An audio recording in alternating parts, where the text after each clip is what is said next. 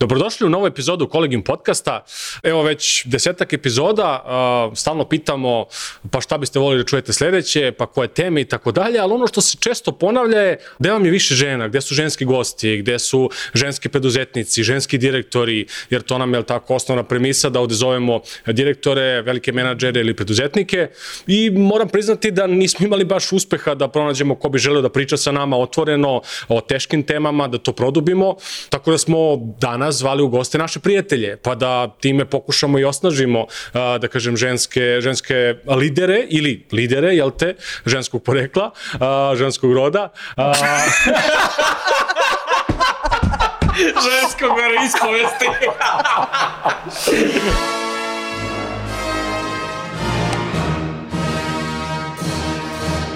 Dakle, nije nam ideja da radimo intervju sa današnjim, današnjim gošćama, već da probamo da otvorimo temu ženskog liderstva, kako ja volim da kažem, pa da vidimo da li je to uopšte tema ili nije. Ono što mene uvek muči je to što iz mog iskustva, iz moje perspektive, za iste pozicije u firmama žene i muškarci nemaju iste plate. Da li je to slučaj danas, da li postoji diskriminacija ili ne, to su sve teme koje bih voleo da danas diskutujemo i da probamo da odgovorimo na neka pitanja. To danas radimo sa našim gošćama. Sa nama je Mirjana Trobok, delivery direktor ili direktorica, kako sad već to kažemo, kompanije Levi Nine. Ja volim da kažem novoseđanka na privremenom radu u Beogradu. Traju privremeni rad. Ali jedina osoba koju ja poznajem da već godinama ide na Formulu 1 i prati trke uživo iz Holandije, a da apsolutno ne voli Formulu 1 i sport ono generalno. Tako je to fascinantna jedna, jedna činjenica. A, I stalno je na relaciji Holandija, Novi Sad, Beograd. Sa nama danas je i Olja Vučićević-Gaković, managing director ili direktorica SI Global. A, ona je preko Google-a, Yahoo i IBM-a došla nazad, nazad u Srbiju, majka dva tinejdžera i danas sa nama otvara u te tešku, tešku temu. Sa nama danas je i Goran Jankulovski, osnivač i generalni menadžer kompanije Žiška, agencija koja pravi reklame, je tako, i pravi one zanimljive robotiće za Manchmelovu koji se danas vrte po billboardima i svi tu nešto pakujemo, neke transformerse. Voli da kaže da je on kreativac, a da sam ja kreativac u pokušaju. Ja se sa tim slažem. Naučit ćeš. I moje ime je Nemanja Čedomirović, ja sam osnivač i direktor kompanije Grovit, agencije koja se bavi unapređenjem poslovnih procesa u kompaniji kompanijama i eto, kao što čusmo, kreativac u pokušaju. Drugovi, direktori, drugarice, direktorice, dobrodošli na današnju kolegijum epizodu. Hvala. Hvala na pozivu. Poštovana publiko, ovde podsekretar za odnose sa pitanjima. Sva vaša pitanja redovno čitamo na newsletteru, na LinkedIn grupi Sindikat kolegijuma, na TikToku pogotovo, YouTube komentari, YouTube community tab, pišite slobodno. Ovog puta ste imali nekoliko pitanja, a ja sam izdvojio jedno samo koje ću pročitati, zato što je bilo zanimljivo apropo današnjih, današnjih gostiju koje smo imali. Milan Popović kaže ovako, Hajde sad da pitam kad si već pročitao najavu. Žene preduzetnice, da li postoji diskriminacija i dalje i kako ona danas izgleda? To sam ja postavio kao pitanje na LinkedInu. Kaže on, da su ti gosti muškarci, da li bi postavio isto pitanje, to je teme, samo u muškom rodu da kažem. Ako ne, odmah si napravio diskriminaciju. Preduzetnik, jednako sposoban, muško, stereotip. Ja bih više volio da čujem šta konkretno radi na tim pozicijama, koji su izazovi, naročito ovaj delivery direktor, to je pozicija sa kojom se ne susrećemo često, šta to konkretno znači? Pa dobro, kad smo pričali sad, ovaj, pre nego što je krenuo snimanje, ja sam ti rekla, ja se ne osjećam kao žena lider, ja se osjećam kao lider pre svega. I mislim da već u tome postoji diskriminacija, zato što ovaj, ako tako popularizujemo temu, onda znači da nekako nismo jednaki. Jer nikad se ne kaže muški lider nego se, šta, sad smo nazvali ženski lider. Tako da se apsolutno slažem sa um, dotičnim gledalcom. Uh, što se tiče pozicije koju radim, A, u suštini ja radim za kompaniju Levi 9 koja se bavi razvojem softvera uslužno, a, znači radimo razvoj softvera za druge kompanije, mahom holandske i ja kao delivery direktor a, sam zadužena, ajde kažemo to u najkraćim crtama za dve stvari. S jedne strane sam zadužena za ljude koji a, su u mom unitu za njihov razvoj, profesionalni razvoj njihove profesionalne karijere, razvoj kompetenciji a, i to je sa jedne strane, i njihovo zadovoljstvo naravno. I naravno da to ne radim sam sama, pošto imam negde između 80 i 90 ljudi, nemoguće je, postoji tu određeni layer managementa ispod koji ovaj, se time bave mnogo aktivnije nego ja, ali ja im pružam podršku, a sa druge strane a, sam odgovorna za klijente, odnosno za taj, ajde kažemo na čistom srpskom customer relationship a, i za a, isporuku softvera koji radimo za njih u skladu sa nekim dogovorima koje imamo. I koji su ti to izazovi, to je bilo pitanje Milanovo. Pa raznih ima izazova, ali ja bih rekla da izazovi su različiti u različitom kontekstu. A, nekada su izazovi kako zaposliti adekvatne ljude, kako ovaj, naći a, talenat, kako ih privući da dođu baš za nas da rade na projektima koje mi nudimo, a nekada su možda više izazovi kako naći dobro klijenta, kako ovaj, uposliti sve te ljude, naći im ovaj, dovoljno posla koji će im pružiti profesionalni razvoj i zajedno sa tim ljudima isporučiti vrednost samom klijentu. Tako da to je razni dijapazon izazova koje se susrećemo u svakodnevnom radu. Da li je to ovaj, zaista istina? Ovaj, da li je uh, iskustvo žene koja ide na lidersku poziciju zaista jednako kao iskustvo muškarca da dođe do te iste pozicije. Iako je, ono, svi bismo se složili s time što kaže Mirka, želimo da to bude tako. A da li je to istina? Pa ja bih rekla u mom svetu i možda je taj svet mali, IT, uh, industrija je malo specifična u odnosu na ostatak Srbije, možda čak i Beograd je specifičan u odnosu na ostatak Srbije, ja bih rekla da je to tačno. I način na koji ja vodim ljude, uh, na taj način razmišljam, uopšte ne razmišljam da li je neko muško ili žensko, nego šta donosi taj čovek, kakave kvalitete, kakve skills ima, kompetencije i tako dalje.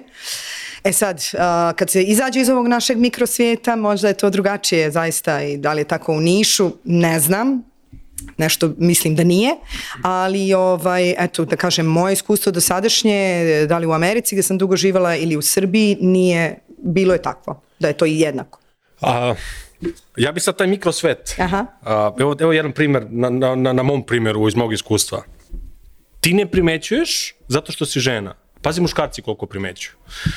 Uh, jedan samo od sastanaka, bilo ih puno.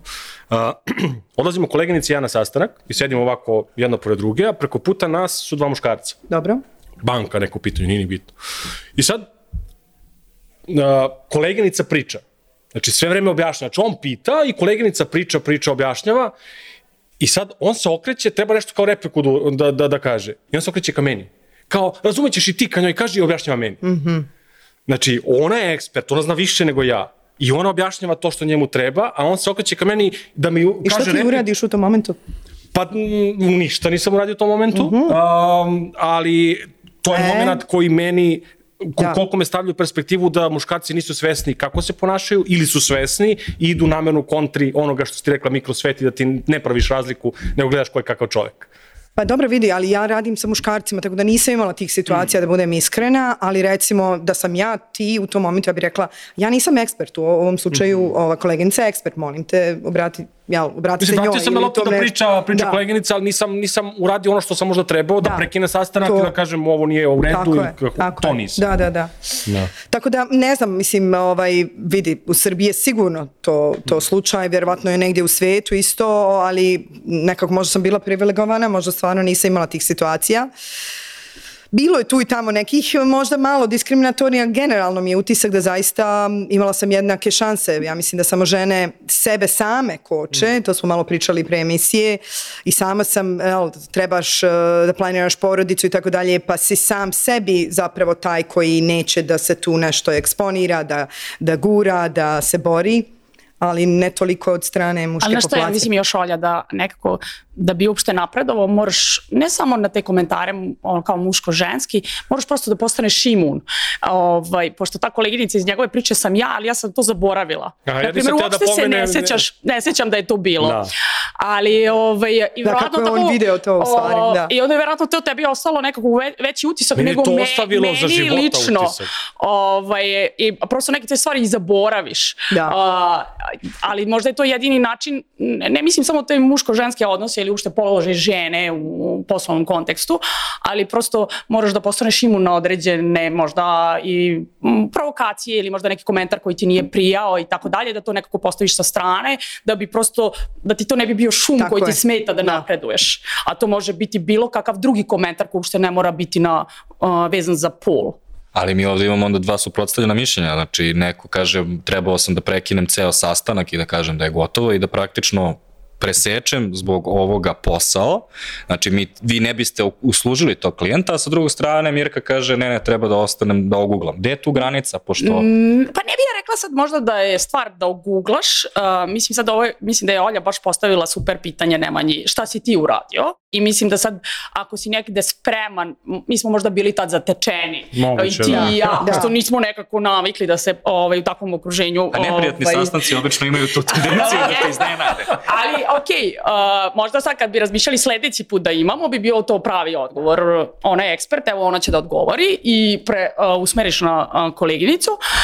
Ali suštinski, to, to je jedna stvar kako ćeš se postaviti u toj datoj situaciji. Ali generalno, moj savjet generalno bi bio da moraš da ono, neke komentare ovaj, ostaviš po strani, da prosto imaš svoj pravac, svoju direkciju kojom ideš i ne možeš ti da se obaziraš na sve što na drugi ljudi misle. je. I, I sad da se opterećuješ previše s tim, ja sam žena, ja sad moram biti tu kao žena, da budem reprezentativ, jel, u tom krugu. Ja uopšte ne razmišljam na taj način. Jednaka se, smatram se jednakim kao bilo kojim članom tima. Um, I sad, baš nedavno su mene dodali u SA Global Executive Committee. Ja sam, ok, super, kao, ajde da nešto doprinesem. Si jedina Ja uopšte- žena. Ja uopšte nisam kapirala sam ja jedina žena. I ono tek posle mi kaže, a ti si žena tu. Pa rekao, što sam jedina žena, ne razumem. Da. Kao, jel? Tako da, da, u stvari... ja isto ne da. primećujem kad sam jedina ženska osoba u prostoriji. E, viš, to je recimo interesantno, a, sa jednim drugarom sam pričao koji je tako u globalnoj firmi, a, gde sad, koliko sad to daleko ide, a, da su u executive timu, da bi ispunili formu samo, Da. dodali da neko bude žena. Meni čak ni to nije okej. Ali znaš kako, ja sam baš razmišljala o tome kao ono 20% žena, 30% žena i meni to zvuči, svako treba tu da bude sprem svojih sposobnosti i kompetencija. Ali s druge strane, da bi ti taj neki stereotip pro, uh, promenio i da prosto daš šansu ženama, moraš nekad da imaš možda tu kvotu koja zvuči ovaj, uh, Veštački. i veštački, Da. ali na taj način ćeš imati neka devojka, žena će se pojaviti da bude deo nekog tima gde možda nije bilo prirodno ranije da bude tu i onda ćeš navići ljude i onda će posle i neko ko je zaslužio sprem svojih kompetenca i veština i zalaganja će doći na to mesto i možda će se broj žena i povećati iznad I te kvote. inspirisati mlađe Jeste. generacije da, da, da pokušaju. ja va- stvarno da. nisam onako, mislim da to može dosta da se izlopotrebi, da Tako tu je, se da. nađe neko ko nije možda ni dorastao u funkciji i tako, ali mislim da je to možda jedini način koji možeš da se promeni ovaj način razmišljanja i uopšte da se da šansa ovaj, i kao što kaže Olja, da se inspirišu devojke. A, vas dve dolazite iz IT sektora i postoji velika priča o problemu da nema dovoljno žena u STEM-u, odnosno Science, Technology, Engineering i Mathematics, a to je bitno zbog toga što su to generalno danas jako plaćeni poslovi i onda to dalje utiče na prosečan, prosečnu razliku u zaradama. I ne samo da je to između muškaraca i žena, nego je broj žena koje završe fakultete sa kojih se inače regrutuje za te poslove proporcionalno manji kasnije kada, kako napreduju kroz karijeru, skved do C-levela, kao što si rekla. Ali kao, kako vidite onda da se to adresira? Jer su kvote neka varijanta koja je ono ok ili kao, da li vas to uopšte ne brine ili mislite da je to samo neka privremeni zaostatak? Pa ja vidim u stvari um, uh, rastući trend zapravo uh, žena u, koje dolaze iz tih fakulteta i broj prijava koje dobijamo. Tako da, evo recimo kad sam došla u Srbiju, uh, ja sam imala možda jedan od deset prijava su bile žene, sada je to, ako ne dominantna, ovaj, prije, broj prijava je mnogo, mnogo veći. Tako da vidim tu definitivno veliku promenu. Ja jesam malo u specifičnoj sada industriji, kako radim za SA Global, što možda nije bio slučaj toliko u drugim softverskim kućama. Mi uh, tražimo i zapošljamo finansijske konsultante. Financije su, pored software, jel, developera i tako dalje, ali financije su dominantno ženski poziv, često, jel, završavaju ekonomiju, finansijski menadžment i tako dalje. Tako da ja imam malo drugačiji problem zapravo. Ja, kod mene su sve žene i ja Nema na neki muškaraca. način uh, meni je manjak muškaraca i moram biti iskrena, nek, često se zezam i sa HR-om, ali ja kažem dajte mi malo muškaraca jer nije ne valja ni jedno ni drugo da. Da. da vuče, tako da mora neki dobar balans da bude, tako da i to eto možda neka A šta, šta se desilo tu, mislim, ako, ako znaš ili neke pretpostavke zašto ima sad više žena? Što, što, koja promjena Pa se upravo desi? to što, se, što su i one prepoznale da žele da budu, da napreduju, da više zarađuju, da su samostalnije, da je to budućnost, mnogo su spremnije, mislim, znate sami da već više žena završi fakultet faktički nego muškaraca i da su sad ti programi mnogo privlačniji. Fon je sada postao toliko popularan upravo zato što je daje i tu neku miks kao blizu sistema, Menadžment, možda nećeš baš biti inženjer, ali ćeš biti dovoljno blizu, ne možeš se upisati na fon. Tako da popularizacija I ja celog... završili, onda se svi popalili. Na, Da. Ovaj, a, da li možete da mi opisate da šta za vas znači lider? Ove, zato što uh, verujem da mnogi ljudi kada zamisle stereotipnog lidera zamišljaju veoma muške kvalitete. Odlučan, čvrst, siguran i Zašto tako su to dalje. samo muški kvaliteti, izvini? Pa, mo, možda i to problem. Ne, da, ne bih se složila s tim. Vidiš i ti podržavaš stereotip. Baš sam, ja, e, mislim da je to bilo neko pitanje, jel, što ste nam, ovaj, razmišljala sam o tome, jer evo, u mojoj evo, firmi imamo em, direktore koji apsolutno ne bi trebalo da budu direktori, muškog su roda, znači niti su odlučni, niti su lideri, ono što ja doživljavam kao lider, znači neko ko treba da inspiriše, da vodi, da motiviše, da e, nekako da taj empowerment, kako se kaže, na, vozu, ljudima, da ih e, vodi, da im da dovoljno krila da mogu i da napreduju i tako dalje. Znači, apsolutno ne vidim da je to ženski ili muški ovaj, pol ima veze s tim, nego do tebe, do karaktera, do tvoje energije. Eto, tako ja to nekako vidim. I baš vidim da smo slične stvari, pošto sam ja razmišljala o tom pitanju. ipak sam razmišljala, ipak smo ono... Da, da, niste se ni slično obukli, e, tako da sve da, okej, sve da, okej, da. da. Ali ja sam baš napisala da je važno da inspiriše ljude i, ovaj, a, i ono što bi još dodala, možda važno je da umeš da prepoznaš potencijal i da ovaj, prav, ono, ljudima koji imaju potencijala za određene stvari, da im daš prilike, da im kreiraš, ali da im budeš tu da im čuvaš leđa.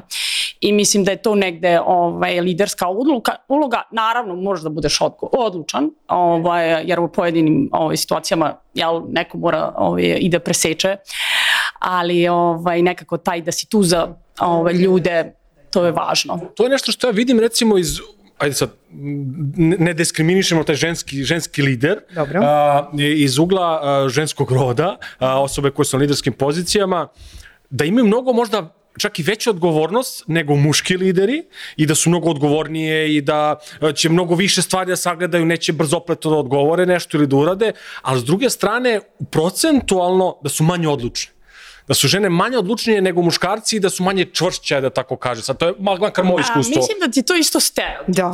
Ovaj, mislim, ja nekako kad pogledam i neke ovaj, um, lidere s kojima sam ja imala kontakta, um, pa neke žene su bile vrlo brze, a, i sekle vrlo, a neki muškarci su bili ovaj, tako da, ajde da pogledamo, analitičniji, ajde tako kažemo da pogledamo. Tako da mislim da je to stvar lične preference u razmišljanju. Sad, da li si više analitičan, pa ti treba više podataka bi doneo odluku, ili si više ideš na neki svoj, ajde da kažemo, gut feeling i onda kažeš, ok, imam sad dovoljno, imam par parametara i sad ću da donesem odluku na osnovu toga. Da. A da li je lider mora da bude nametljiv, odnosno da se nametne u pravom trenutku? Pa ne bih rekla, nametljiv često ima tu negativnu konotaciju, tako da ne bih rekla nametljiv, ali svakako treba da ima neku vrstu autoriteta kad, su, uh, kad se donose odluke, kad se treba uspostaviti nešto, kad treba nametnuti neku vrstu kulture, rada, pristupa, možda u tom smislu nametljiv, um, jer ne treba da bude nekako u senci, a, jel?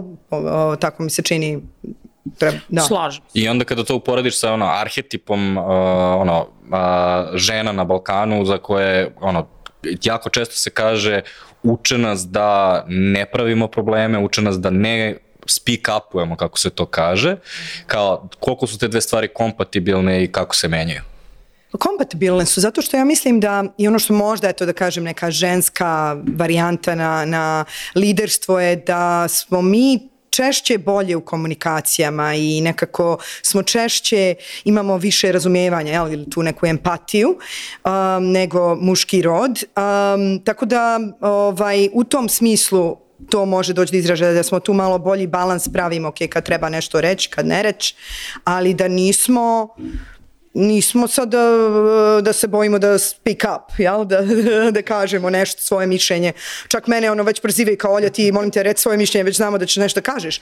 Ja, ovaj, ja kažem šta mislim, sad svidjelo se to njima ili ne svidjelo, pogotovo na tim executive kao nivoima kad su me već doveli tu pa valjda trebam nešto da kažem, jel?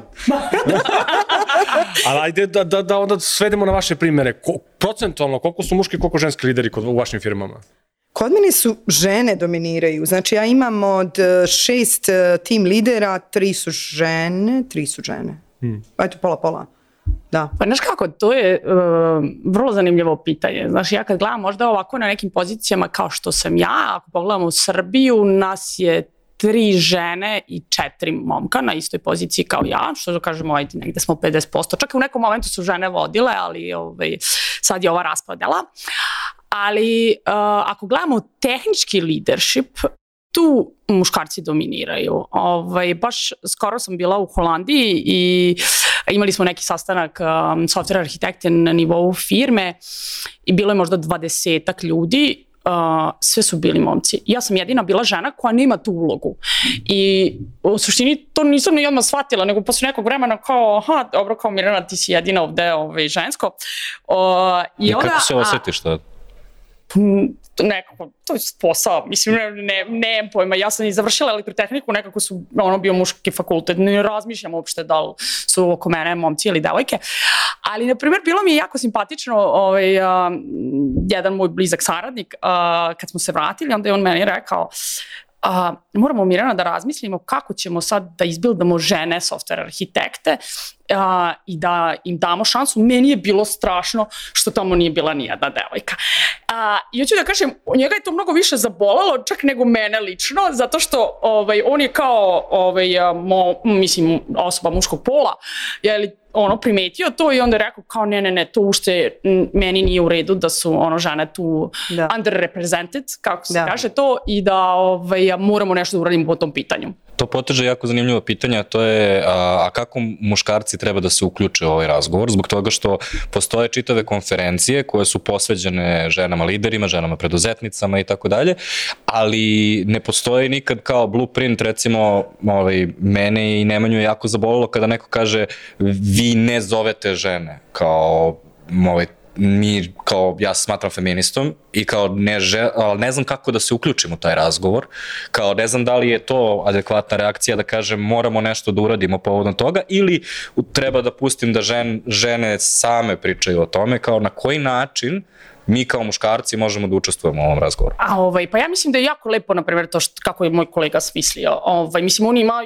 ovaj, um, baš onako devojaka koje imaju dosta iskustva i koje su na tom putu, tako da nije to ništa veštački, ali u smislu ajde da razmišljamo o tome i da im kreiramo prilike.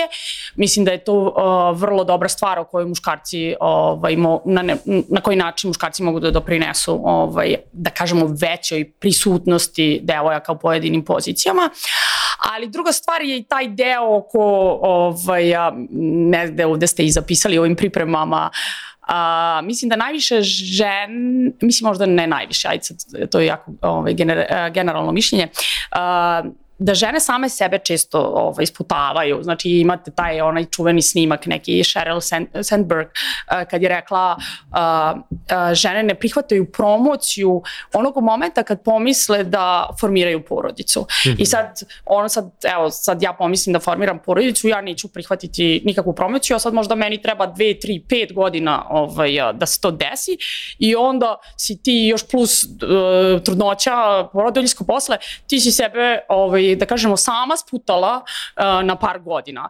U suštini mislim da je to neki način koji uh, treba raditi edukaciju ovaj, ženskih osoba, da prosto posebno u velikim firmama, u velikim sistemima. Ne trebaš da razmišljaš o tome. Prihvati poziciju, pa okej, okay, razmišljaće se posle, ne ode se na porodiljsko za mesec dana od momenta kad se to desi, mislim u većini slučajeva, jel? Ovaj, prosto svaka firma će se koja je velika trebala bi da može da se snađe i da nađe odgovarajuću zamenu dok si sad ti odsutna. A druga stvar koju mislim da je onako u našem društvu važna jeste to uh, mislim da su šveđani nešto to napravili, tipa da idu i muškarci i žene na prodijsko. Da, to je kod nas i dalje tabu tema. Mislim da je kod njih čak uh, tipa 90 dana za muškarca je obavezno. Tako je. Ako ne bude otišao, to će kao ili propasti i tako. Tako da to je po meni uh, način na koji se u stvari kreiraju jednake šanse. Jer ti sad, šta god mi ovde pričali, ovaj, um, žene imaju ovakve šanse, onakve šanse, ti u fazonu kad odeš na, na porodiljsko, trudničko i tako sad, da li to godinu dana ili si možda duže odsutna i tako dalje, tebi je u stvari karijera on hold. I ovaj, sve promocije koje su se mogle desiti su te mimo išle i onda se vratiš i onda u suštini ako je muškarac zajedno sa tobom ne snosi odgovornost oko dece, onda kad su bolesni i tako dalje, onda žena bude odsutna. I onda su E, ti to sam sebe htjela da još kažem, stavili. jer nije samo učestvovanje vaše na pitanju na, u poslovnom svetu. Ja mislim da muškarci su najpre važni da podijele tu, da ste pravi partner svojoj ženi, devojci ili kako god, oko tih obaveza. Jer mi, koliko god mi bile i napredne i e, karijerno orijentisane i tako dalje, mi dalje imamo taj posao majke, žene i sve to što kući, znači mi ne ostavljamo to. A tu je ta vaša uloga jako bitna. Znači ako je to nekako podeljeno na pravi način, onda nije sve na meni da kad dođem kući da moram sve to sama da radim i plus da budem uspešna žena, da lepo izgledam i da sve to što je, pogotovo u Srbiji gdje je to veliki akcenat na tome. Tako da, eto, to bih ja rekla da je da vaša... možete i kod kuće da doprinesete. Da. No, to sam baš Trudimo se, evo vidiš podočnjak Da. od noćas. Evo, Grovi daje mesec dana, da kažemo, odmora za muškarce koji imaju prvo dete, tako da na taj način Odlično, pokušavamo da... Tako ali, je. ali I sasvim tu- slučajno Nemanja je upravo dobio svoje prvo. Ali nisam prvi, nisam prvi muškarac koji je dobio dete. Grovi se tako... Kao definisao sam sebi. Nisam sa drugi sam muškarac koji je dobio dete i iskoristio tih mesec dana. Ovaj, zanimljivo je to što si rekla za, za Sheldon Sa Sandberg, zato što mislim da postoji jedna stvar vezana za trudnoću koja nisam siguran kako se rešava. Ovaj, sa jedne strane, razlog zašto se uh, dešavaju te situacije da žene otpisuju sebe unapred je zato što ne znaju ni kako da po, potegnu taj razgovor, niti kako se poteže razgovor o tome da ćeš ići na trudničko i porodiljsko. Da li je to nešto što žena treba da inicira? Ti si u jednom trenutku pomenula i to da žena ne bi trebalo da osjeća krivicu ako prihvati poziciju, pa odmah posle toga ode na trudničko, što postoji velika krivica kod nekih žena, odnosno razmišljaju se da li su time izneverile tim, jer kao postoji jako puno stvari koje ti moraš da isplaniraš da bi se desilo nečije unapređenje i onda najaviš nekoga kao ovo je vaš novi tim lider i onda kao mesec dana kasnije osjećaju da su jednostavno taj tim napustile i izneverile ih zbog toga. Ali ono što želim u stvari da, da vas pitam je kako započeti taj razgovor. Jer svi se nekako A na koji sklanjaju razgovor misliš? Kao ja planiram porodicu ili Da. razgovor ja sam trudna? Ne, ja planiram porodicu i kao ovaj, kako paralelno sa time da uklopim svoj karijerni put.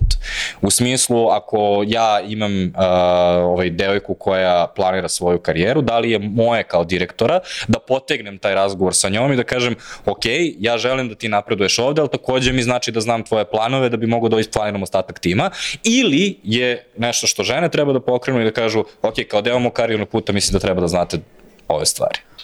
Pa uf, a, to nije baš tako jednostavno. Mislim da je čak u Srbiji, mislim da niko to ne bi pitao na taj način, ali to je toliko očigledno.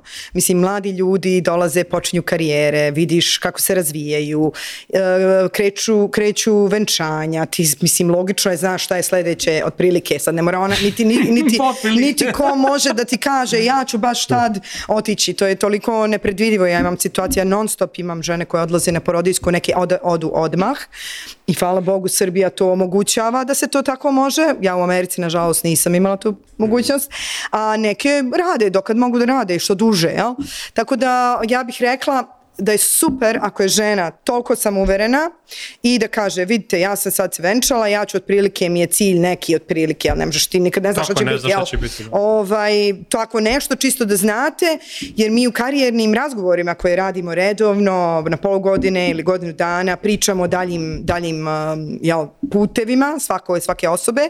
Imamo tu i nekih reorganizacija, pa da li računat na tu osobu kao neki tim lider. Tako da ja mislim da je sasvim okej da žena bude, da se osjeća dovoljno dobro da može prići svom tim lideru i reći, evo samo da znate, ja Ja, Planiram porodicu. Planiram, Mislim, to je da, vrlo da. jedna... Ali to planiram. čuti. Znaš šta, je, Da. šta je primećujem ovde? Primećujem da a, imate moment vaše ženske empatije Da. i da će mnogo lakše žena prići vama i pričati o Meni, tome nego da. prići muškarcu i pričati o, o takvim stvarima. Pogotovo Da. ako je neko na liderskoj poziciji i, i, i sledi joj ili je dogovoreno ili kako god zaslužila, nebitno u kom onom momentu, zna se da će dobiti unapređenje te godine, a ona isto planira te godine trudnoću, koliko je težak razgovor, jer sam viđao kad radim, mi radimo sa puno klijenata i to pitanje se pojavljuje, mm -hmm. koliko je teško ženama da pričaju sa svojim direktorima, tim liderima ili kako god, pirovima, i onda samo dođe po znacima navoda naprasno preko noći kao pa jao što nisi, kako, pa odje, i onda nastanu problemi. Zato što mislim da nemamo ni nikakav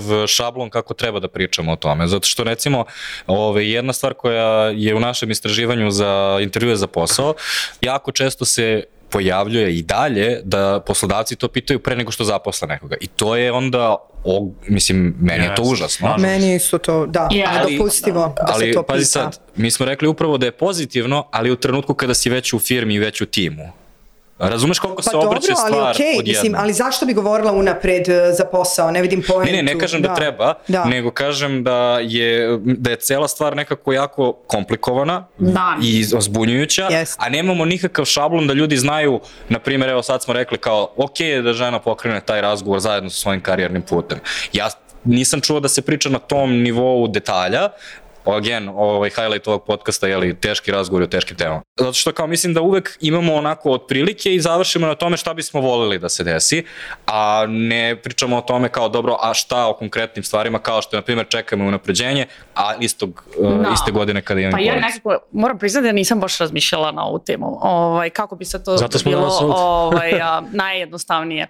Mislim, i ja se delimično slažem sa tobom, možda sad ako si ti žena lider i sad imaš nekog člana tima ženu i sad da je njoj možda lakše da tebi kaže, lakše, mislim prirodnije, Prirodnije, možda ovaj, nekako Uh, malo je to intimna tema, moramo priznati, nije sad baš ono da ideš okolo i sad kažeš je kao ja planiram porodicu, mislim nisi stavio transparent o tome, nego si prosto sa nekim moraš da imaš neki nivo bliskosti. Kao što nekako, na primjer, s druge strane, uh, možda čak i kad ti je teško, ako imaš ženu lidera da te zagrli, čak i ako si muškarac i ako si žena, to je prirodno. A da li ti možeš da zamisliš nekog muškarca lidera da grli drugog muškarca zato što njemu teško? Ja govorim nas grli non stop, njemu teško Ovaj, stalno. Pa ne, teže je malo. I sad Goran treba hag sada, nije spavao. Ovaj. ne, ne, ali stvarno, stvarno mislim u tom nekom, uh, kao što je Olja rekla, žene imaju veću empatiju, brižnije su, imaju taj neki odnos, više ulažu u odnose, Odnose, međuljudske. da. I onda tebi je lakše, verovatno, nekoj devojci da kaže, e sad kao ja planiram porodicu, ok, vidjet ćemo kako će to ići i tako dalje. I sad, na primjer, ja sam ne- nekad i razmišljala o ovaj, um, sad o tome kao trebam nekog da promovišemo, sad da li ovaj, a, ima neke planove ili nema. I onda sam ja sa sobom donela samo odluku ovaj, um, ok, ja sam deo velikog sistema, ja ću ljude da promovišem sprem ovaj, a, Njegovih za- njihovih zasluga. zasluga Da. potencijala i ovaj, znanja, a uopšte neću voditi taman sutra da mi kaže ovaj, ja moram da idem, to će se desiti. A šta to znači veliko, deo velikog sistema? To znači ja kao deo malog sistema moram da razmišljam o tome. Pa mislim da je malo Mislim da su- komplikovanije kad Da. si deo malog sistema, ovaj, zato što... Kad se meni desilo ovo isto, ovaj, ja sam uradio to što Mirka kaže, u smislu ja sam imao jako prisan odnos sa tom osobom. I kao mi se znamo četiri godine i sedimo jedan preko puta drugog, kao, znaš, prirodno je da, da potegnem taj razgovor, ali da sam na njenom mestu, kao kada sam u firmi od 300 ljudi, to menja fundamentalno taj razgovor. Da, ja mislim da ipak, m, bez obzira Malim koliko god da. ovaj, mi gledali da svet, bude idealan, ti kad si deo malog sistema je drugačiji nego kad si deo velikog. Da, da, I ja mogu da kažem da imam luksus. jasno. A, da idemo ponovo na konkretne primere kod vas, ja, Dobro. da, da konkretizujemo stvari. A, I ti si pomenula da više puta da imaš ženske lidere, odnosno devojke, žene na Mhm. tako je. poziciji, poziciji lidera. Jel postoji u vašim firmama razlika u odnosu na platu, odnosno na muškarce za istu poziciju? Ne, Ne. ne. Jeste sigurni u to? Direktorke su valjda znaš. Da znam kome ide koja plata. Ne, zato što ovaj, recimo sada kada je nedavno u Njujorku ovaj, je um, objavljen je zakon o transparentnosti plata. Transparentnost Da. plata nije obavezno da znamo koje su plate u firmi, nego kada objavljujemo za Range, poziciju, onda dajemo range. Da. Da, da, ali kada u samom oglasu za posao. Da, jasno. I onda su se ispostavilo da su mnoge žene shvatile da su, Da su ispod, ispod. tog pay gapa i da su dobile povišice pred stupanje zakona, jer su morale da budu u očigledno. range-u, jer bi Pa postalo dobro, vidi, očigledno. mi smo zaduženi, barem ja sam zadužena za plate ovde, tako da znam da ni nema razlike.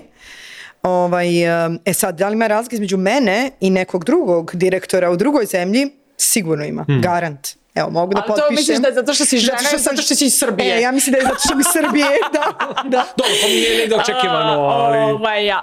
Pa ne znam, ja na primjer nikad ne razmišljam o tome ko je kog pola kada razmišljamo oko plata, promocija i tako dalje. Znači uopšte mi tu gledam samo koje zasluge ovaj, ljudi imaju. E sad, ja isto nekako mislim da sam ovaj, u platnom razredu sa mojim pirovima ovde iz Srbije, ali A okej. znate druge primere da je drugačiji možda? U Srbiji. Pričamo o Srbiji. Srbiji. Um, u IT. IT, ajde, ajde, se je čudimo. bilo u IT-u zato da. što zbog Da. dis, ono, rodnog disbalansa generalno ljudi koji radi, a zbog toga što industrija je jako plaćena, ja bih pretpostavio da tu postoji raskorak između plata, ali pitanje je da li možeš da ga pin downuješ na neku diskriminaciju ili postoji jednostavno sistemski, zbog toga što je mnogo više programera su muškarci.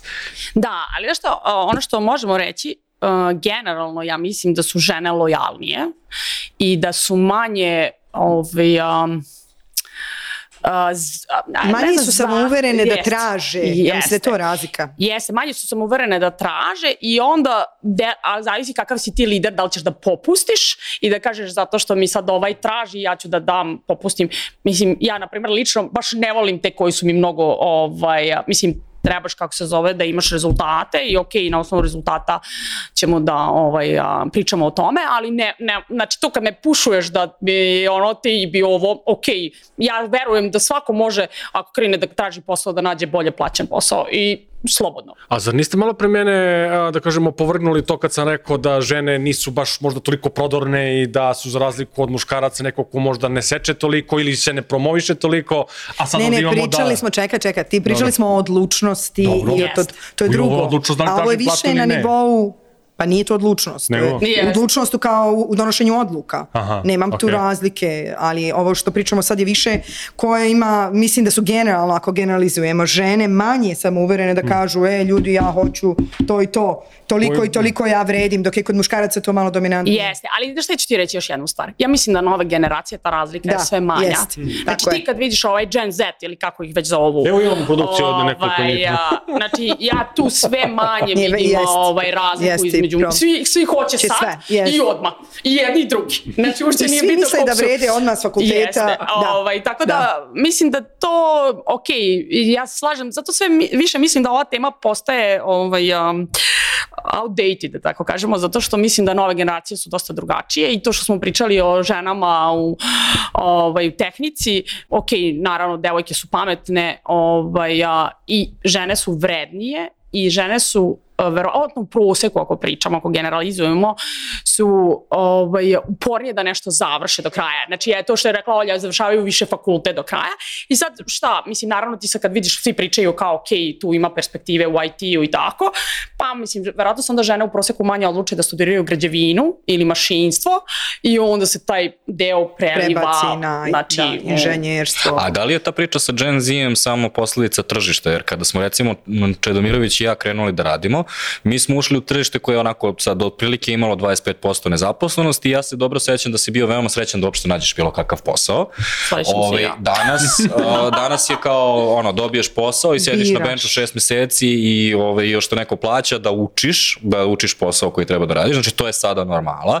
Znači jednostavno dosta se promenilo tržište i sada ono što, me, što mi je dosta bitno u trenutnom ovaj, stanju stvari jeste trenutno se to kolo sreće obrće i sada imamo jeli, otkaze u IT-u, imamo recesiju koju ne znamo da li će doći, hoće, neće doći. Da li će se sve te stvari koje su vezane za Gen Z promeniti sada kada se promeni finansijska situacija i, ovaj, i odnos, balans između radnika Ne znam, i poslodavca? Mirka, tvoje trenutno stanje i iskustvo, ali ono što sam ja primetila u poslednjih par meseci, s obzirom na celu, ova godina je jako čudna, generalno, globalno, jeli, ekonomski i tako dalje, ali da se njihovi pogledi zapravo nisu mnogo promenili. Oni dalje misle da je sve ok, da oni to sve zaslužuju, da uopšte njih, kao da nemaju uopšte, nemaju svest da ne može se očekivati, ne znam, kakva povećanja plata, kakva su bila ranije, da ne znamo šta donosi sledeća godina koja isto ne deluje baš preterano da će biti, ne znam, ekonomski neš, veliki porast. Tako da meni deluje da oni dalje su jednostavno u nekom svom svetu m, A ne da li trebaju da budu svesni? Pa ja mislim da trebaju, da trebaju da budu svesni šta se dešava Mislim, u svetu. za, zašto to i- pitam? Evo, kod nas u firmi interno imamo trenutnu diskusiju, pošto mi dajemo 30 dana godišnjeg odmora svima. I onda smo računali koliko smo ove godine bili na odmoru. Bili smo 600 dana na odmoru, ukupno kao cela firma. Što bolovanje, što odmor i tako Dobro. dalje. Sad koleginica hoće to kao, e, imamo sad godišnju tu neku, uh, godišnji dan i strategija, planovi i tako dalje. E, ja ću da stavim ovo na slajd kao da pokaže ljudima. I sad se ja pitam, i pitao sam nju, a što? Šta hoćeš da postigneš time? Kao, pa da vide svi koliko smo radili, kao to košta firmu. Pa dobro znam, ali jel treba zaposleni to da zna? Šta on, jel to govorimo njime, uh, njima, sad idete manje na odmore sledeće godine ili kao, ovoliko ste koštali firmu, šta hoćemo da postignemo time? Da, da, to je malo sad, ne bih možda potencirala toliko na toj priči. Ako ste već dali taj benefit, to je benefit, Tako jel? je, ali- ali za- zašto ali, bi onda- ali vidi, zašto? Zato što, uh, barem ja uh, redovno obaveštavam uh, i delim rezultate kompanije, pratimo finansijski performans i znači sve je transparentno, svi znaju šta se dešava i pričamo o toj situaciji jer mi zavisimo uslužne kompanije. Mi zavisimo od toga što se dešava u zapadnim zemljama ili odakle već nam dolaze projekti. Znači ako nema projekata, moraju da razumeju zašto nema projekata i koji su problemi i onda samim tim zašto ne može dobiti povećanje plate. Ja mislim da trebaju da budu svesni. Sad, da li mogu negdje drugo da nađu? Verovatno mogu, uvek možeš, jel? Ali sad... Ako si dobar i da. potrudiš se, verujem da možeš. Ali, znaš kako, ja mislim, ovo sad za malo izlazi iz ove naše teme, ali nema veze. ovaj, um, uh, Ovo je kolegij, pošto, možemo e, pošto, e, pošto smo rekli da smo mi onako lideri, ne samo žene. E, Ovaj, a, ja generalno mislim da je prosto u nekom momentu u IT-u bio onako mm, Luna Park jedan. Usviđa mi se to. Luna Park na 45 minuta. I prosto mnogo se vrtelo oko toga, naravno, mislim, to je sve zakon tržišta, je li tako? Ovaj, a, bilo je puno posla, a manje ljudi i naravno da u takvoj situaciji onaj ko gde je scarcity taj diktira tempo, je li tako? A, I mislim da negde su se tu onako poremetile neke ovaj neka razumevanja šta to znači poslovanje, šta to uopšte znači raditi za nekoga i tako dalje. Mislim da se sve vrtelo oko toga šta ja dobijam, šta uh, ovaj uh, šta je tu za, Za mene, da. šta kako ću ja da napredujem, ka, ovaj projekat, znači budeš na projektu šest meseci, a sad ja sam ispunio šta sam imao da naučim ovde, ja hoću sad sledeći projekat, a ne razmišljaš da je u tebe neko uložio prve 3-4 meseca uopšte da bi ti mogao da doprineseš i da ti za šest meseci nisi mogao malte ne da vratiš nazad to što je ovaj, a, uloženo u tebe i, i tako dalje. Da tek sad u suštini počinješ da otplaćuješ to, ajde da neki način kažem. Ja nekad kažem mojim ljudima, ljudi, mi smo ovde svi da bi firma zaradila novac. Nismo mi ovde ovaj, da bi, kako se zove, mi, nije, suština našeg bivstvovanja ovde da mi se profesionalno razvijamo. Naravno da je sjajno da iskoristimo tu priliku i da to trebamo jedni drugima da omogućimo, ali to nije inicijalni cilj zašto smo se mi našli. To je by product ovoga ovaj našeg rada, ali mi smo tu da bi kompanija ostvarila profit. Tako Mislim je. nemojte da se ono, Ne radimo za jav, ono, javno preduzeće ili za ono, Jeste, za vreme NGO Tita, i ne znam šta. kad se radilo kako se radilo, tako da da, to je ono što... Znaš kako ja to vidim? Ove, ja mislim da je to samo još jedna kompleksnost koju, s kojom mi kao lideri i liderke moramo da se nosimo. U smislu tržište se promenilo i onda recimo evo kako ja to vidim. Znači mi imamo uh, marketinške agencije prolaze kroz veoma veliku transformaciju već u poslednjih tri godine nego što smo ikada imali ranije i to se odgleda i konkretno na platama ljudi. U smislu plate rastu brže nego što su ikada rasle zato što pokušavamo da sustignemo IT sektor nam najbolji ljudi odoše tamo. I sad šta to znači? To znači da ja dobijam dodatni stres i da je moj posao teži zato što ja moram sa svakim klijentom to da ispregovaram, ja moram da idem na mnogo više pičeva imala mnogo više se potrudim. Ali to je jednostavno realnost tržišta koja se trenutno znači, dešava oko mene i jednostavno to je deo mog posla. Ako sam ja izabrao da ću napraviti kompaniju u 2024. godini sa ovom ekonomskom klimom, onda moram i nečije hirove ponekad da ispunjavam i da neko bude zadovoljan i takođe da ovaj, pokušam da ona, dam nešto što je u moje vreme bilo apsolutno nezamislivo. Ne, ne, ja se slažem sa tim, ali hoću da ti kažem, ja meni je isto okej okay da to objasniš ljudima. Znači, ovaj, naravno da je to sad deo mog posla, da ovaj, takve situacije imam i da se bavim time, ali ovaj, mislim da uh, je okej okay da ti isto kao lider objasniš sad svoju poziciju mnogo mi je drago što pričamo o ovome, a pogotovo što pričamo na ovaj način, sad ne znam koji je tvoj, uh, tvoj utisak Gorane, ali v, um, naš inicijalna ideja koju smo hteli sa kolegijom je da pričamo otvoreno o ovim stvarima. Mislim da niko od direktora nije rekao, pa firma je tu da zaradi pare, a onda ćemo mi da vidimo da li ćemo da delimo, pa ćemo neke bonuse, pa ćemo šta god. Nego su to neke bajke. Sam Altman. Pa pusti me Sam Altmana, pričamo o Srbiji i o, o našim ljudima. Dobio mandat da spašava svet i na kraju da. se završava tako što će zaraditi pare. Tako da bih da. ja sad, da. ovdje, is, ispirisali ste me, a, a i Olja me ispirisala malo pre temom transparentnošću, da. a zna Goran koliko je ta tema meni onako bitna, ali ja bih otišao u jednom drugom smeru transparentnosti, a to je IT industrija posljednjih godina i po dve dana.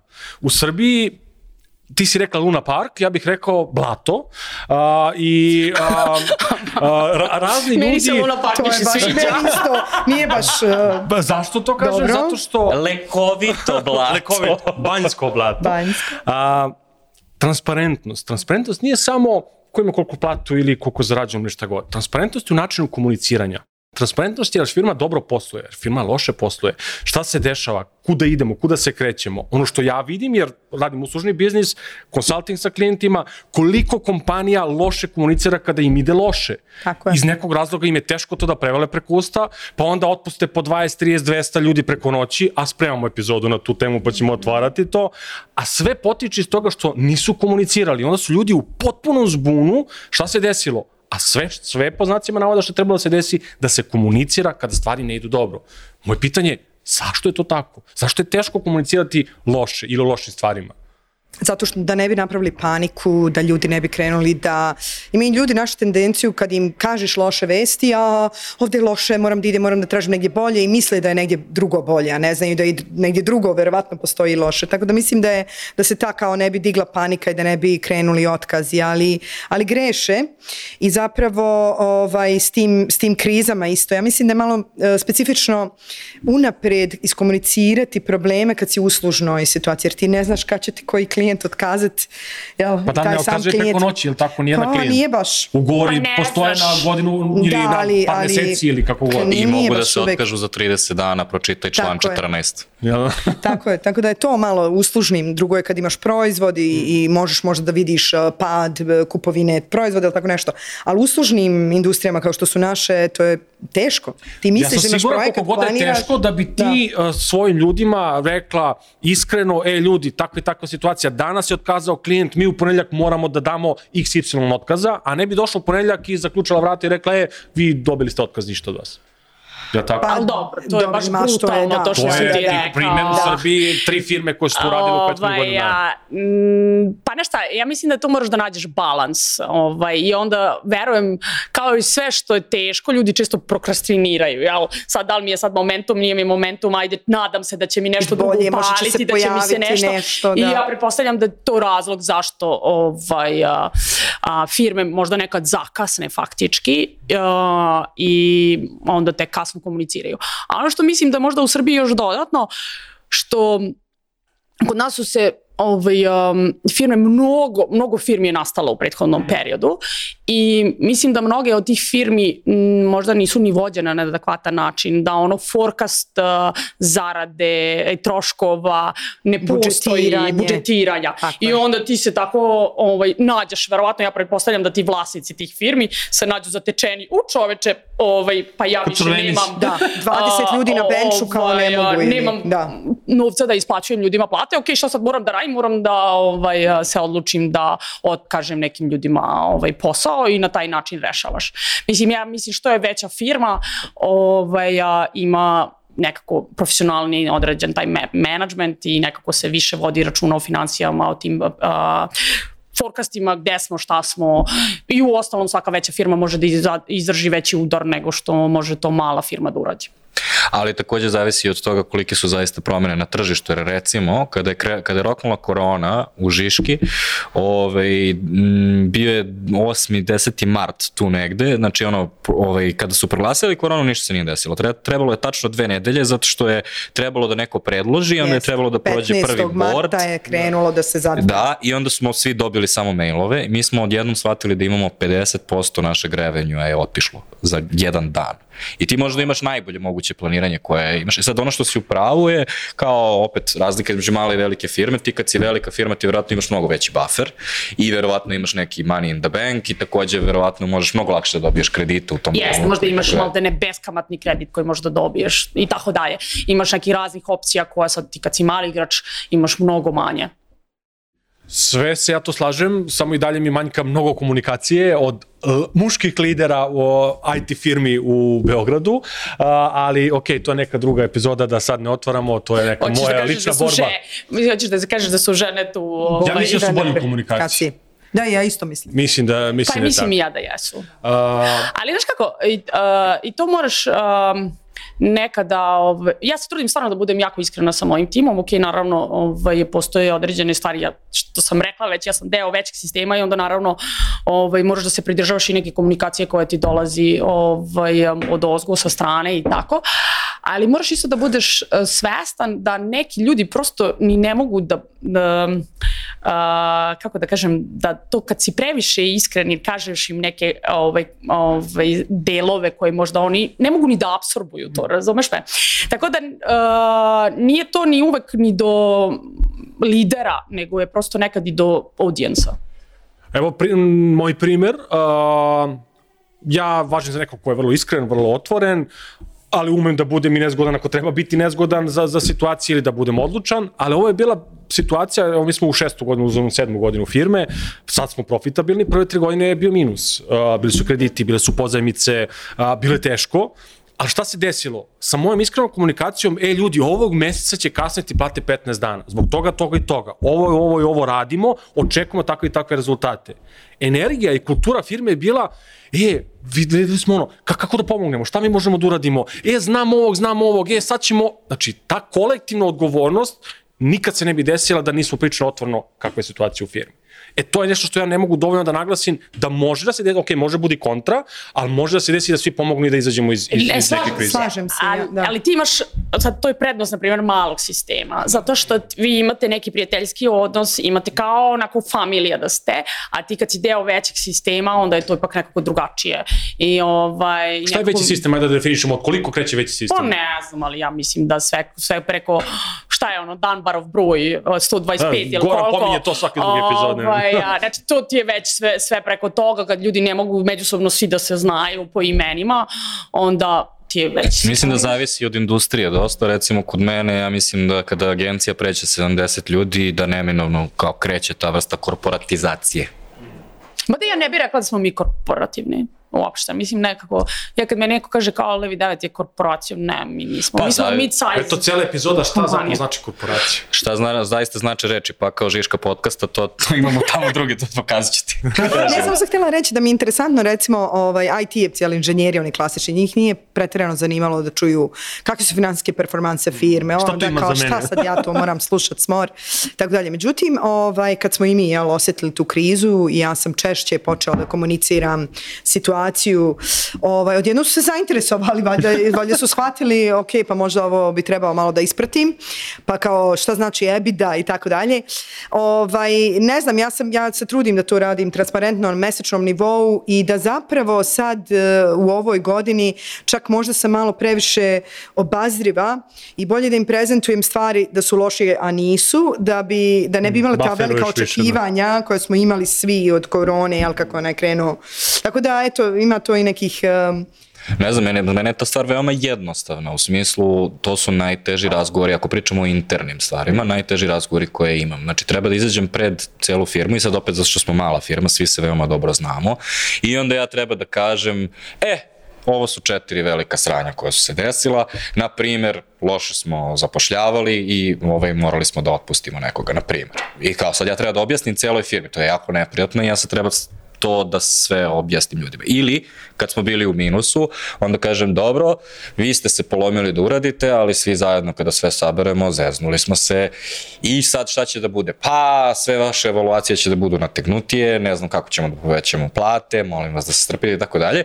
I ja to bukvalno ono budim se noću u znoju i onda na sve to kao držim nešto i kao imam jako stresnu situaciju town halla i onda ono što me uvek zakuca je kada na kraju se vrati do mene neki feedback i onda otprilike ja sam se znojio da četiri stavke koje moram da kažem, da tačno kažem kako treba i onda dođem do toga kao Goran je rekao otpustit ćemo sve klijente ili tako nešto kao totalno nisam tretirano i ja sam potom čekaj, čekaj to što sam saznao nije bilo toliko bitno, da. ali sam bio u fazonu a ka, ka, kako, kako? Kako da. ti kažem, Mi smo direktori ovde, niko nas nije terao, tako da to ide u rok službe, ja mislim da I to... u isto vreme. I nema veze da li si muško ili žensko, da se vratimo da. na tu temu. Da.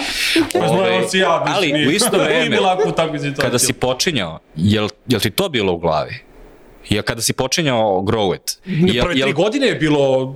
Ne, ne, kad si počinjao Grow It, kada si razmišljao o tome da li da pokreneš svoju firmu, da li ti u glavi prošlo da jednog dana ćeš sedeti pre 30 ljudi i objavljivati kako si nesposobni direktor i u, ovaj, doveo si firmu u minus? Ni najmanje ali prosto je, skapirao sam da je to, da, da su naše pozicije vrlo usamljene, vrlo, vrlo sami dok neko to ne prođe, ne može da empatiše sa nama, a kao tebi je teško, kao ti ideš na kafe sa direktorima, pa to je samo jedna sedamnestina mog posla, tako da nisam, ali sam negde prihvatio da je to prosto moja sudbina i da, to je tako. meni je moj bivši menadžer rekao, što si više, to je usamljenje, usamljenje. se osjećaš. I meni isto slična neka tako poruka. Tako da, da. Ovaj, skroz mogu da se povežem sa tom da. izjavom. Ovaj. It's lonely at the top, jeste to rekli? ja. da. da. Za mene je najgore zato što, uh, ovaj, ne, ovo ne znam da li vi imate, zato što ipak nisu vaše kompanije, a, ovaj, a sad zanima me baš kao kako gledate na to. A recimo, za mene je ja sam proveo jednu dobrih godinu dana, ne bih rekao u depresiji, ali onako dosta, sa dosta da teškim osjećanjem, zato što ja nemam koga drugog da krivim. Kao, šta god da je se desilo, na kraju sam ja kriv, kao ono, koliko god da korak kao ono napraviš, kao ali mi smo napravili sistem, mi smo zaposlili osobu koja je drugoj osobi rekla da i onda je ta osoba uradila nešto što nismo nikada mislili da treba da se desi, na primjer. I onda kao, uvek mi je bilo teško to kao samo sebe imaš da kriviš na kraju. Pa dobro, to je kad si vlasnik, jel? Mm. Dobro, ja, a da ja se osjećam odgovorno bez obzira što nije moja firma, mm. a, definitivno osjećam odgovornost za sve moje odluke i uvek stojim iza toga i, i priznam kad pogrešim. Mislim da je to važno isto kao lider um, jel, da, da se toga svestan. Tako da. Ali znaš kako je razlika je u tome, je, je, ovaj, ovde se slažem sa Oljom, ovaj, drugačije jeste kad si vlasnik, ali s druge strane uh, ti kad si vlasnik, onda na kraju ovaj, ti dikci, eh, daješ pravac. I znači ti si taj koji može da možda stvari gura u jednu ili drugu stranu, a na primjer dok si, kad si deo ovaj, sistema, onda faktički imaš deo odluka koji neko drugi donosi. I možda Znaš, mislim, naravno svi smo mi ljudi, nekad se slažemo sa tim odlukama, nekad se ne slažemo i tako sa tim odlukama, ali ono što sam ja isto primetila, Naravno, kako ide ona Njegoševa, ko stoji na vrh brda vidi bolje nego onaj pod brdom. Nekad se tebi deluje ovaj, da Uh, znači kao, mislim, ovi iznad tebe, kao imaju neke poteze možda koji, ok, ja bi uradio ne znam šta drugo, ali ti kad bi bio isto na njihovoj poziciji, verovatno bi vrlo slično odlučio. Tako da, Uh, znači to kad vam deluje onako ljudima kad rade u nekoj kompaniji kao ja vidiš šta radi šta sad rade, ovaj ja bi to lider, drugačije i tako da. dalje, ja bi to drugačije pa možda i ne bi, ovaj, jer nemaš sve inpute koje on ima i sve stvari sa kojima, ovaj, kojima mora da vodi računa. Od Cheryl do Njegoša. Svašta. ali, ne znam da sam dobro citirala, ali nema veze. Znaš šta je ogromna razlika uh, iz, iz moje perspektive vlasnika i ja sam radio u velikim sistemima i manjim sistemima Ako ide loše, na kraju meseca, ja sam taj koji mora da obezbedi novac. Nemam ni od da, koga drugog. Da. da li ću svoj novac, da li ću da prodam kuću, da li ću da se zadužim, da li ću da, kredit. Je. E, to je nešto što, što je mnogo teško. Ali do sad ne Dobro, otvaram. ali ono. to ti je, mislim, to ti je ono rizik poslovanja, znači, Olja, ja manje rizikujem, ono, i to smo malo pričali, možda žene, da se vratimo na tu temu, manje ovaj, su spremne da rizikuju i onda o, nekako voliš da si više ušuškana u negde i ovaj, bez obzira što si možda i odlučna i tako dalje, ovaj, umeš da vodiš ljude, ali zato ti je, znači ti kad si vlasnik e, kompanije, rizik ti je naravno veći, ali ti je i dobit veća u momentu kad e, dobro stvari idu. Ajde vidjet ćemo kad dođemo do te dobiti koja je veća, to me zanima baš. Ali, ovaj, da li je to onda razlog zašto ima manje žena preduzetnica? I ovaj, ja ne znam sad neke statistike, ali recimo u mojej, mojej industriji, a, veoma je simptomatično da većina ljudi koji radi u komunikacijama su žene, znači i u advertisingu i pogotovo u PR-u, marketingu i tako dalje. Međutim, kada prebrojiš nas koji smo osnovali agencije, tu ima mnogo manje žena. U stvari, kao kada razmislim o muškarcima, kao evo, Ivan, Bora, ja, Miša, znači mogu veoma lako da brojim, a kao moram malo da se potrudim kao, aha, ko je osnovo Chapter 4, Kreativa New Formula, Kreativa Unlimited za Voki Verolo Thomas, to znam. Žaklina. Da, Žaklina. Ove, ali razumeš, kao, m, postoji veoma veliki disbalans, ne samo taj koji smo pričali, ono, koliko ljudi se školuje versus koliko ljudi napreduje, nego koliko ljudi jednostavno radi u industriji protiv toga koliko ljudi osnuje agenciju, odnosno započne firmu. Je li to u stvari ta tolerancija prema riziku? Tu počinje? Pa Jest, jest, ja bih rekla ovo baš što je Mirka rekla. E, Ja sam isto imala priliku da krenem svoj neki biznis u, u IT-u u Silikonskoj dolini i upravo zbog tog nekog straha od rizika, e, dvoje male dece, e, da sam muškarac bilo vjerojatno rekla, ok, može, idemo. Preuzimaš to mnogo, mnogo lakše nego što sam ja rekla, ok, nije to za mene, ne mogu sad u ovom momentu i tako dalje. Tako da, da, mislim da generalno žene to teže se odlučuju, pogotovo ako si u dobu kada planiraš i porodicu, to je sve A da li to ima veze sa slikom o sebi i samopouzdanjem ili samo čistom tolerancijom na riziku? Zato što, evo recimo za mene, ja to zovem bezrazložni entuzijazam. U smislu, ja nemam pojma šta je nama bilo, ko, znate koliko smo mi naivno zamišljali da je voditi firmu i šta su sve problemi koje će ono. I ja sam jednostavno bio u fazonu, pa, ajde. I kao, ušli smo u to. Ne, ne znam, šta- mislim, vidi to, da li je to sad uh, žena, muškarac ili je individualno.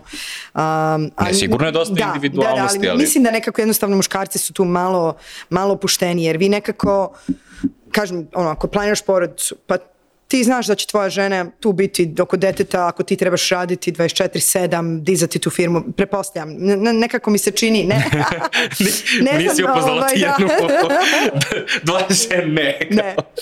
Mislim da ono, u Srbiji pogotovo, to je meni deluje ono Mission Impossible, uh, žena preduzetnica, ima ih. Znam par fantastičnih žena koje su krenule svoj biznis i Jacqueline između ostalog svoje vremena u ono doba krenuti advertising agenciju i tako dalje, ali ne znam, mislim da je to baš onako redkost ko žena da se uhvate u košta s tim.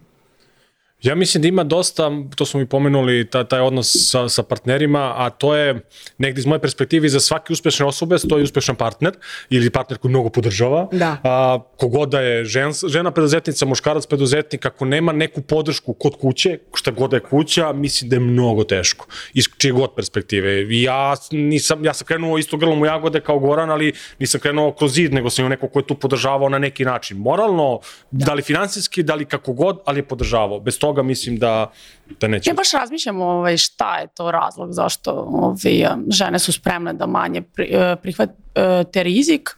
Slažem se da je delimično porodica, to je ono sad... eh, ali možda i ta neka empatija generalna, ovaj, a, zato što um, sad ti kad zaposliš neki broj ljudi i sad rade za tebe, a, naravno i muškarci mogu biti empatični vrlo, čak nekad možda i više nego neke žene, ovaj, a, a, ti možda sad ne znam, lupam, imaš neki tim od 5-10 ljudi koji si zaposlio i sad ti ne ide dobro i sad ti u nekom momentu možda moraš da otpustiš neki procenat ljudi. I onda ti sad to razmišljaš, ja bi kao žena razmišljala, ja bože, ovaj mi sad no, ono, dobio dete, ovaj mi ovo, onaj mi Kako ono, ću znaš da kako ću ja sad to nekako, više bi to sad intimno i lično shvatila nego možda sad ovaj, a, kad si mm, muškarac, ali mislim ne znam ovaj, a,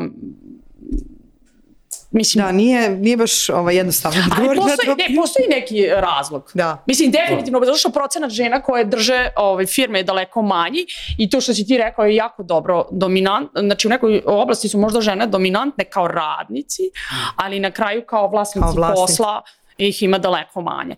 Tako da tu vjerojatno treba neko dubinsko istraživanje uraditi. Treba Duminsko, mislim. ja ne smijem da iskoristim jednu reč koju sam nekom panelu rekao, pa će me ono unakaziti kad sam rekao da je prirodno nešto i mislim da čak ovde ima tog momenta prirodnosti, da je prirodnije možda da više rizikuje muškarac nego žena, ali možda da ne, ne odlazim na tu stranu. Ali kažem ti, uh, mislim da, da je mnogo do implicitnosti toga. Jer kad kažemo prirodno je da više rizikujemo, to znači da sam ja znao šta rizikujem. To uopšte nije bilo tako. Kao, samo je pitanje da li si spreman da povučeš neke poteze bez toga da u stvari znaš šta je rizik u koji se upuštaš. A možda su žene svesnije zapravo. To, možda smo šta naivniji. To sve, možda mi više sagledamo Da. sve situaciju, šta, kako, plus, minus i onda skontamo možda to nije za nas i pa Možda bolje da. Ali više puta se ovde pomenula tema zapošljavanja. Aj možda da polako i tom temom onako idemo u, u, u finale, finale naše priče. K- Kako zapošljavate, šta vam je bitno prilikom zapošljavanja, ali što konkretnije, nemojte mi one floskule kao većina, pa mnogo mi je bitnije kakav je karakter i kakva kultura nego znanje, dobro, šta konkretno, na šta obraćate pažnju? Iz ugla firme, iz ugla vas dve, šta, šta su stvari prilikom zapošljavanja koje vrednujete? I kako to radite? Pa e, ovako, znači, ono, imaju procesi određeni, HR intervju, tehnički intervju, bilo koje vrste tehnički, da li je sa softverske strane ili više s ove finansijske strane, kad sve to prođe, onda je neki finalni intervju, to je, da kažem, generalno, ajde kažem, tri koraka. U HR intervju gledamo da li ta, saznajemo neke osnovne informacije o firmi, ono, da, o, zapravo osobi, da li ono što je na CV-u zapravo to tako, kako komunicira, proveramo engleski jezik, generalno da osetimo zapravo tu osobu i onda je šaljemo na ovaj drugi. Ako je prošla tu, na sledeći. Na sledećim je zapravo meni najkritičnija tačka, jer svi manje više možda ja mogu taj HR savladati, ali um, tehnički intervjui su po meni ključno i tu imamo određeni uh, nivoe, odnosno kriterijume koje gledamo i za koje pozicije šta tražimo. Tako da iz tog onda selektujemo i tu je veoma zna šta može, šta ne može tehnički i uopšte gledamo, znači kod nas barem u ovoj industriji koja je malo specifična, to su ERP CRM implementations, nekoga kome će ko će moći da se vidi u tom svetu. Mi nismo, radimo cool proizvod, startup, uh, ono, latest, greatest technology, nismo. Mi smo Microsoft partner, mnogi ne vole Microsoft tehnologije, sad je to diskutabilno. Znači, gledamo nekoga ko će uh, se zapravo uklopiti, kome su ok te naše tehnologije, način rada, ko se može videti du- dugoročno. Ja uvijek kažem, nikog ne tražimo sad da ostaneš do penzije, daleko smo od te uh, ideje, ali neko ko se može videti barem neki 3, 4, 5, 6 godina u našoj firmi, da ga mi možemo obučavati, napredovati i tako dalje. A kako finalni... ih pitaš to? Kako to sortiraš? Pa to se vidi kroz e, neka podpitanje, prvo tehnološki ovaj, kad se prođe te, ovaj, koliko, koliko zapravo razume šta znači ERP, development i implementation. Često ljudi dođu nemaju pojma uopšte šta to znači. Ako su, na primjer, juniori, ovaj, senior bi trebao da je iz tog sveta, ovaj, tako da tu se već vidimo kako, kako razmišlja i šta on želi. Ja, čisto znaju doći sa nekim uh, idejama, ja ću ovo, ja ću ono. Tako da ovaj, uh, tu se to vidi, a onda ne znam, nekako, ja sam, ja sam skoro na svakom završnom intervju, trudim se da bude možda ne baš na juniorskom, ali uglavnom pogotovo na ove neke seniorske pozicije i onda nekako vodim kao vaš ovaj kolegijum, ja sam, nema tu skripte, I vrlo mi je uspešna sam u tome, moram da priznam kako otvorim ljude i kako mi oni ispričaju i šta treba i šta ne treba. I ja tu zapravo... više Da, ja moram da potvrdim ovo za Da. Olju, pošto smo mi bili saradnici ovaj, nekad. Ovaj, ok, tad sam ja bila klijenta, Olja je bila sa vendor strane.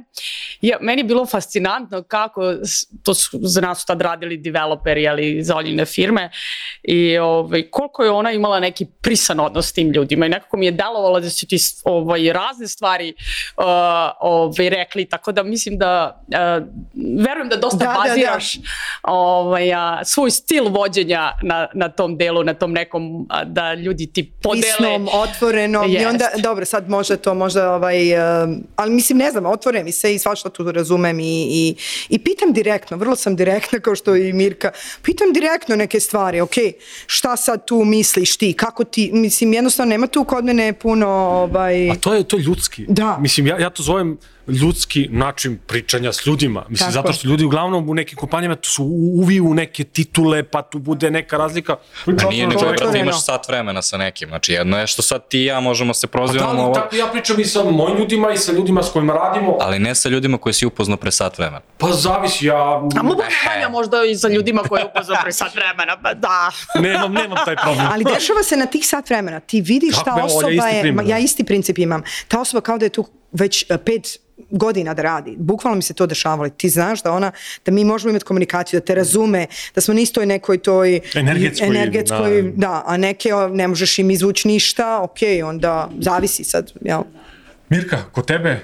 Pa, baš mi je interesantno što si skoro na svakom intervju, pošto kod nas to nije baš ja tako, pošto to nije tako organizovano.